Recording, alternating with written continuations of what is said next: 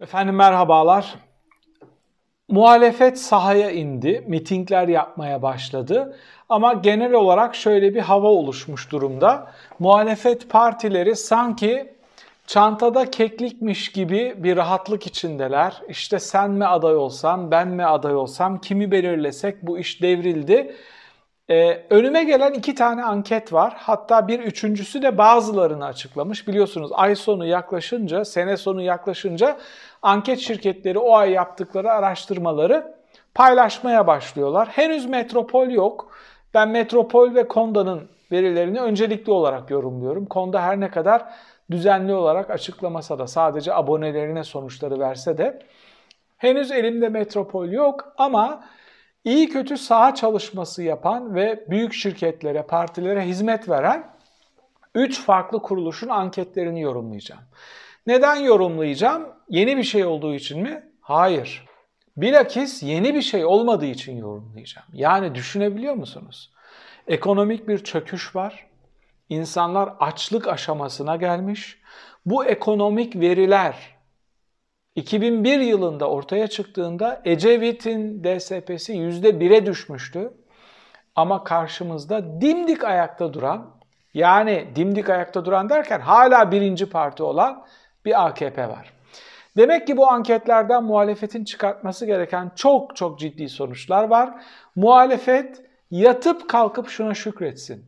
İyi ki Erdoğan başkanlık sistemine geçmiş ve iyi ki İyi ki 50 artı 1 gibi bir gizli baraj var. Yoksa parlamenter sistemde kalmış olsaydık şu rezil çöküşe ve iflasa rağmen şu devletin tüm kurumlarını yok etmiş yönetim anlayışına rağmen AKP koalisyonlarla sizleri yönetmeye devam edecekti. Peki bundan sonra etmeyecek mi? Bu tamamen bu risk masa üstünden kalkmış durumda mı?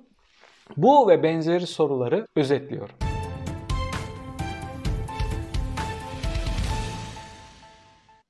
Erdoğan'ın seçimlerden sonuç çıkartmak üzere bir planı var.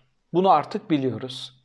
Yani tamamen umudunu kesmiş değil, tamamen çöküp gitmiş, iflas etmiş değil. Elimize gelen veriler bize bunu gösteriyor.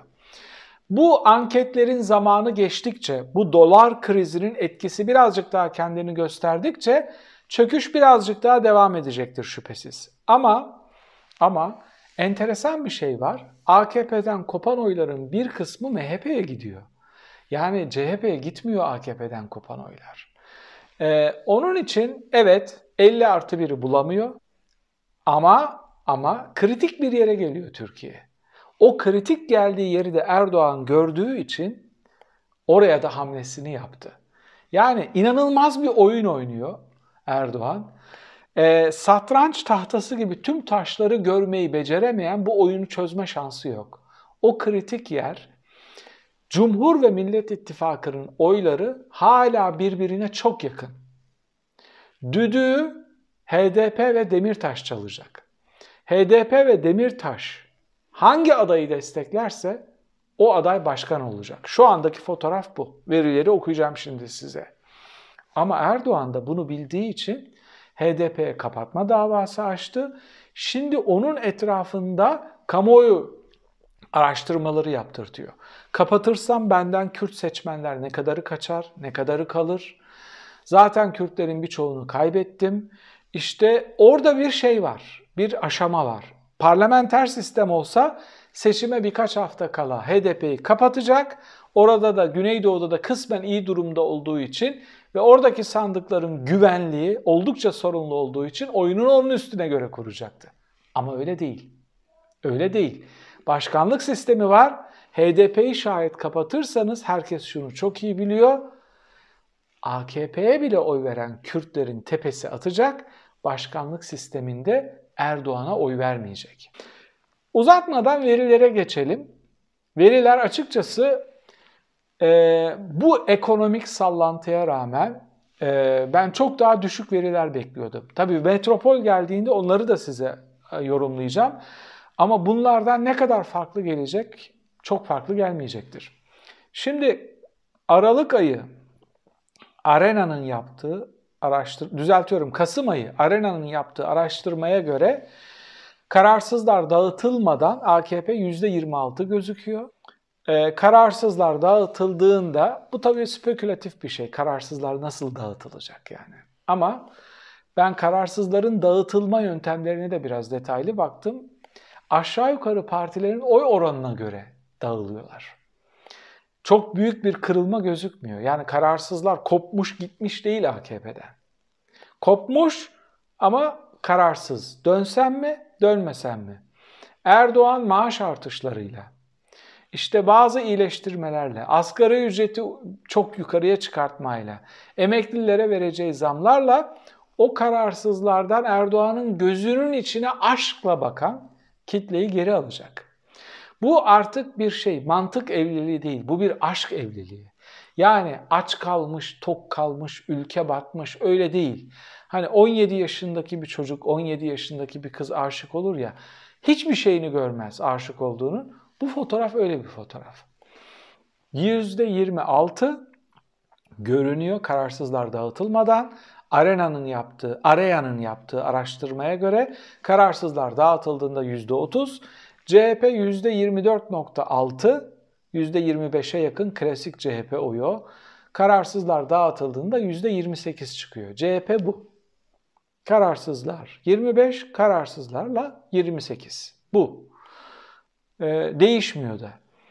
İyi Parti 12'ye 14 çıkıyor. Kararsız kararlı. 12'ye 14. İyi Parti dedi ki ah, o hızlı artış ve çıkış kısmen durmuşa benziyor. Geriye gitmiyor ama büyük bir çıkış yok. Ee, HDP kararsızlar 8.7, kararlı kararsızlar dağıtıldığında %10, kararsızlar olmadan 8.7. MHP kararsızlar dağıtıldığında %9.1 çıkıyor. Neredeyse barajı aşacak. İnanılmaz bir rakam. Bu şunu gösteriyor. AKP kızıp kopan muhafazakar seçmen o bloğun içinden çıkmıyor ve MHP'ye gidiyor. Ama başka bir veri de şu. Cumhurbaşkanlığı seçiminde bu %9.1 MHP oyunun en az %40'ı kesinlikle Erdoğan'a oy vermiyor. Bazı anketlerde %65'i. Deva Partisi'ni araya 4.4 ölçüyor kararsızlar dağıtıldığında. Tabi bu Erdoğan'ı delirten veri bu. Çünkü bunun tamamına yakını tamamına yakını AKP'den kopmuş olan oylar. Bir kısmını İyi Parti'den alıyor. Ödünç olarak İyi Parti'ye veren merkez sağ seçmenin bir kısmı İyi Parti'den Deva'ya geçti. Diğer tüm partileri araya 4.4 ölçmüş. Bunun içinde Saadet var, Gelecek var, Tip var ve diğer küçük partiler var. Peki bu tabloya göre ittifaklardan ne çıkıyor? İktidar, Cumhur İttifakı 39.1 çıkıyor. Millet İttifakı 42.2 çıkıyor. Ama ama henüz Millet İttifakı'na dahil olmadıkları için bu 42.2'nin içinde Deva Partisi, Gelecek Partisi yok. Onları eklediğiniz zaman yaklaşık 48'e yakın bir şey çıkıyor. Bir oran çıkıyor. Yani neredeyse ilk turda HDP'nin desteğini henüz almadan yarışı kazanma aşamasına gelmiş durumda. HDP aday göstermezse büyük bir ihtimalle göstermeyecek. İlk turda HDP'nin oyunu da yani HDP'li seçmenin de Millet İttifakı'nın adayına oy vereceğini düşünürsek yaklaşık %58 gibi bir oran çıkıyor. Bir heyecan oluşturabilirlerse, güçlü bir adayla girerlerse bu %68'e de çıkabilir. Hmm, bu ne demek? Bu şu demek. Kingmaker, kral yapıcı HDP. Bu işi Millet İttifakı'nın tek başına götürme şansı yok. Ki henüz, henüz burada çöküş var ama Erdoğan kartlarını oynamadı. Maaş artışı yapmadı, emeklilik artışı yapmadı, EYT sorunun üstüne gitmedi. Bu kartları oynadığı zaman onun cephesinde de artış olacaktır. Emin olun olacaktır. O kararsız seçmen üstünden kopartacaklar olacak. Team şirketinin yaptığı araştırmaya göre oradaki sonuç muhalefet için biraz daha kötü. Zira onlar AKP'yi kararsızlar dağıtıldıktan sonra 34 olarak görüyorlar. Bu bana biraz yüksek geldi açıkçası. CHP'yi %28.2 görüyorlar. MHP aynı 9.3, araya 9.1 bulmuştu. HDP aynı 11. İyi Parti'yi biraz düşük bulmuşlar 12. Orada İyi Parti 14'tü. Bu 2 puan AKP'nin üstüne yazılmış. Geleceği burada 0.9 bulmuşlar. Deva'yı 1.6. Burada da bir uçurum var. Deva diğerinde 4.4'tü. %3'lük oran çok çok yüksek. Yani Cumhur İttifakı 43, Millet İttifakı burada 40 çıkıyor. E, bu bana çok şey gelmedi. Sağlıklı bir sonuç gelmedi. İlk açıkladığım birazcık daha gerçeklere yakın, birazcık daha izah edilebilir gibi. Onu yorumlamamız gerekiyor. Onun neyini yorumlayacağız? Onun şunu yorumlayacağız. Bu veriler üstüne size yorumlamak istediğim şey şu. Yani burada muhalefetin e, ben bu arada bir başka MAK araştırma danışmanlıkta ilk defa AKP'yi 30'un altında gördük diyor. 29,5. Yani bunlar ilk açıkladığım araya ile örtüşen rakamlar MAK'ın buldukları. Demek ki AKP %30'da, 29'da, MHP 9'da, ikisi 38'de şu anda. Bu 38 51'e çıkmaz. Ama ama burada kritik şey şu. Muhalefetin oyları da artmıyor. Muhalefet de 43'te. 45'te neyse onun üstüne çok fazla çıkamıyor. En yüksek gören 48 görüyor. Şimdi burada HDP'nin tavrı çok önemli.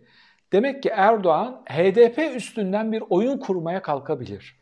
Kapatma davası kullanılabilir. Evet burada bir sıkışmışlık, bir çaresizlik fotoğrafı var ama muhalefetin şımartacak kadar biz bu işi bitirdik, devirdik, istediğimizi aday yaparız diyecek şeyde değil, seviyede değil. Sonuç olarak karşınızda tüm devlet enstrümanlarını çok rahat bir şekilde kullanabilen Erdoğan var. Dini sonuna kadar kullanabilen, insanları oradan yakalayan bir Erdoğan var. Bakın stokçuluğu polisle, bekçiyle değil de Diyanet İşleri Başkanı ile engellemeye kalkıyor. Diyor ki stokçuluk yanımda Diyanet İşleri Başkanı var. Onun yanında konuşmam aslında abes olur ama değil mi hocam diyor haramdır stokçuluk yapmak. Yani ne kadar dindar bir adam. Dini hassasiyetlerle stokçuluğun üstüne gitmeye çalışıyor. Hem bu fotoğrafı veriyor hem de dini sonuna kadar o tür şeylerde bile kullanmaya çalışıyor. Dolayısıyla işin şakası yok. Birincisi HDP bu opsiyonun ve bu konstelasyonun, bu dağılımın içinde olduğu zaman çok rahat bir şekilde artık başkanlık seçimini kazanabiliyorsunuz. Bunun dışında kalan opsiyonların hepsi çok riskli, çok çok riskli.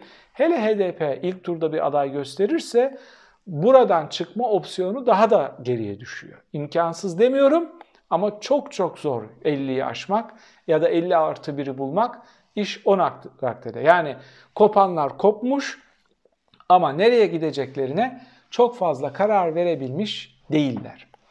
Bugün enteresan bir gelişme oldu. Amerika Birleşik Devletleri çıktı Çin'de yapılacak kış olimpiyatlarına diplomatik ambargo koyduklarını açıkladı ve oraya diplomatlarını, devlet adamlarının gitmeyeceğini söyledi.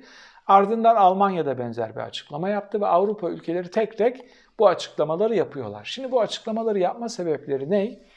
Uygurlara yapılan zulümden dolayı kısmi ambargo uyguluyoruz diyorlar. Şimdi birincisi şu. Bunlar dış güçler dediğiniz adamlar. Dış güçler dediğiniz adamlar Uygurlara sahip çıkıyor. Erdoğan'dan tek kelime yok. Ve Erdoğan dış güçler derken hala hangi ülkeyi ve ülkeleri kastettiğini söyleyemiyor. Bu tür somut verilerle Erdoğan'ın kimlik siyaseti yapmasına mani olacak hamleler yapması gerekiyor muhalefetin. Yani çıkıp içeride İslamcılık yapıyorsun, dışarıda gıkın çıkmıyor. Adını koymuşsun bir dış güçler, dış güçler, iki tane ülke ismi veremiyorsun. Ama içeride Mumal'ın alıcısı var. Zira muhalefet onları sıkıştıracak bir şekilde onu kimlik siyaseti yapamayacak şekilde üstüne maalesef gidemiyor. Yorumlamaya çalıştığım tablo çok iç açıcı değil. Muhtemelen birkaç gün içinde metropol sonuçlarını açıklayacak. Onları da sizler için yorumlayacağım. Ama bu verilere göre ortada enteresan bir tablo var. AKP %30'un altına birazcık düşmüş durumda bu korkunç iflasa rağmen. Bugün sizlere önüme düşen iki anket sonucunu bir üçüncüsüyle mukayese ederek yorumlamaya ve muhalefetin işi çok sıkı tutması gerektiğine altını çizmeye çalıştım. Sorum şu, siz rehavet görüyor musunuz? Muhalefet biz bu işi bitirdik, buradan bu iş dönmeyecek. Rahatlığı içinde aday belirleme sürecini bu zeminde götürdüğünü mü düşünüyorsunuz? Yoksa bu verileri ciddiye alıp çok güçlü bir şekilde bir program hazırlayıp Erdoğan'ın karşısına çıkabileceğine dair umutlarınız hala ayakta duruyor mu? Bu konuyu tartışabiliriz yorum köşesinde.